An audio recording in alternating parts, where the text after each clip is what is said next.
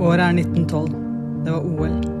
Dagen hvor Jim Thorpe ville vise seg selv at alt han hadde trent for, alle prioriteringene hans, var verdt det.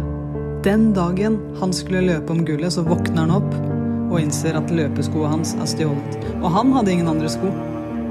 Mange ville gått inn i offerrollen her, begynt å leite etter hvem som har skylda, for så å trekke seg og tenke at nå var det kjørt. Men vinnere gjør ikke det. Vinnere ser muligheter.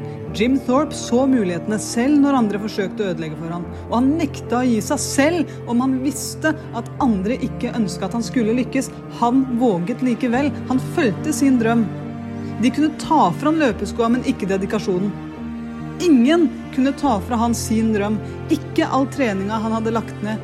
Han ville vinne OL-gullet i Sverige, og han lette overalt etter sko.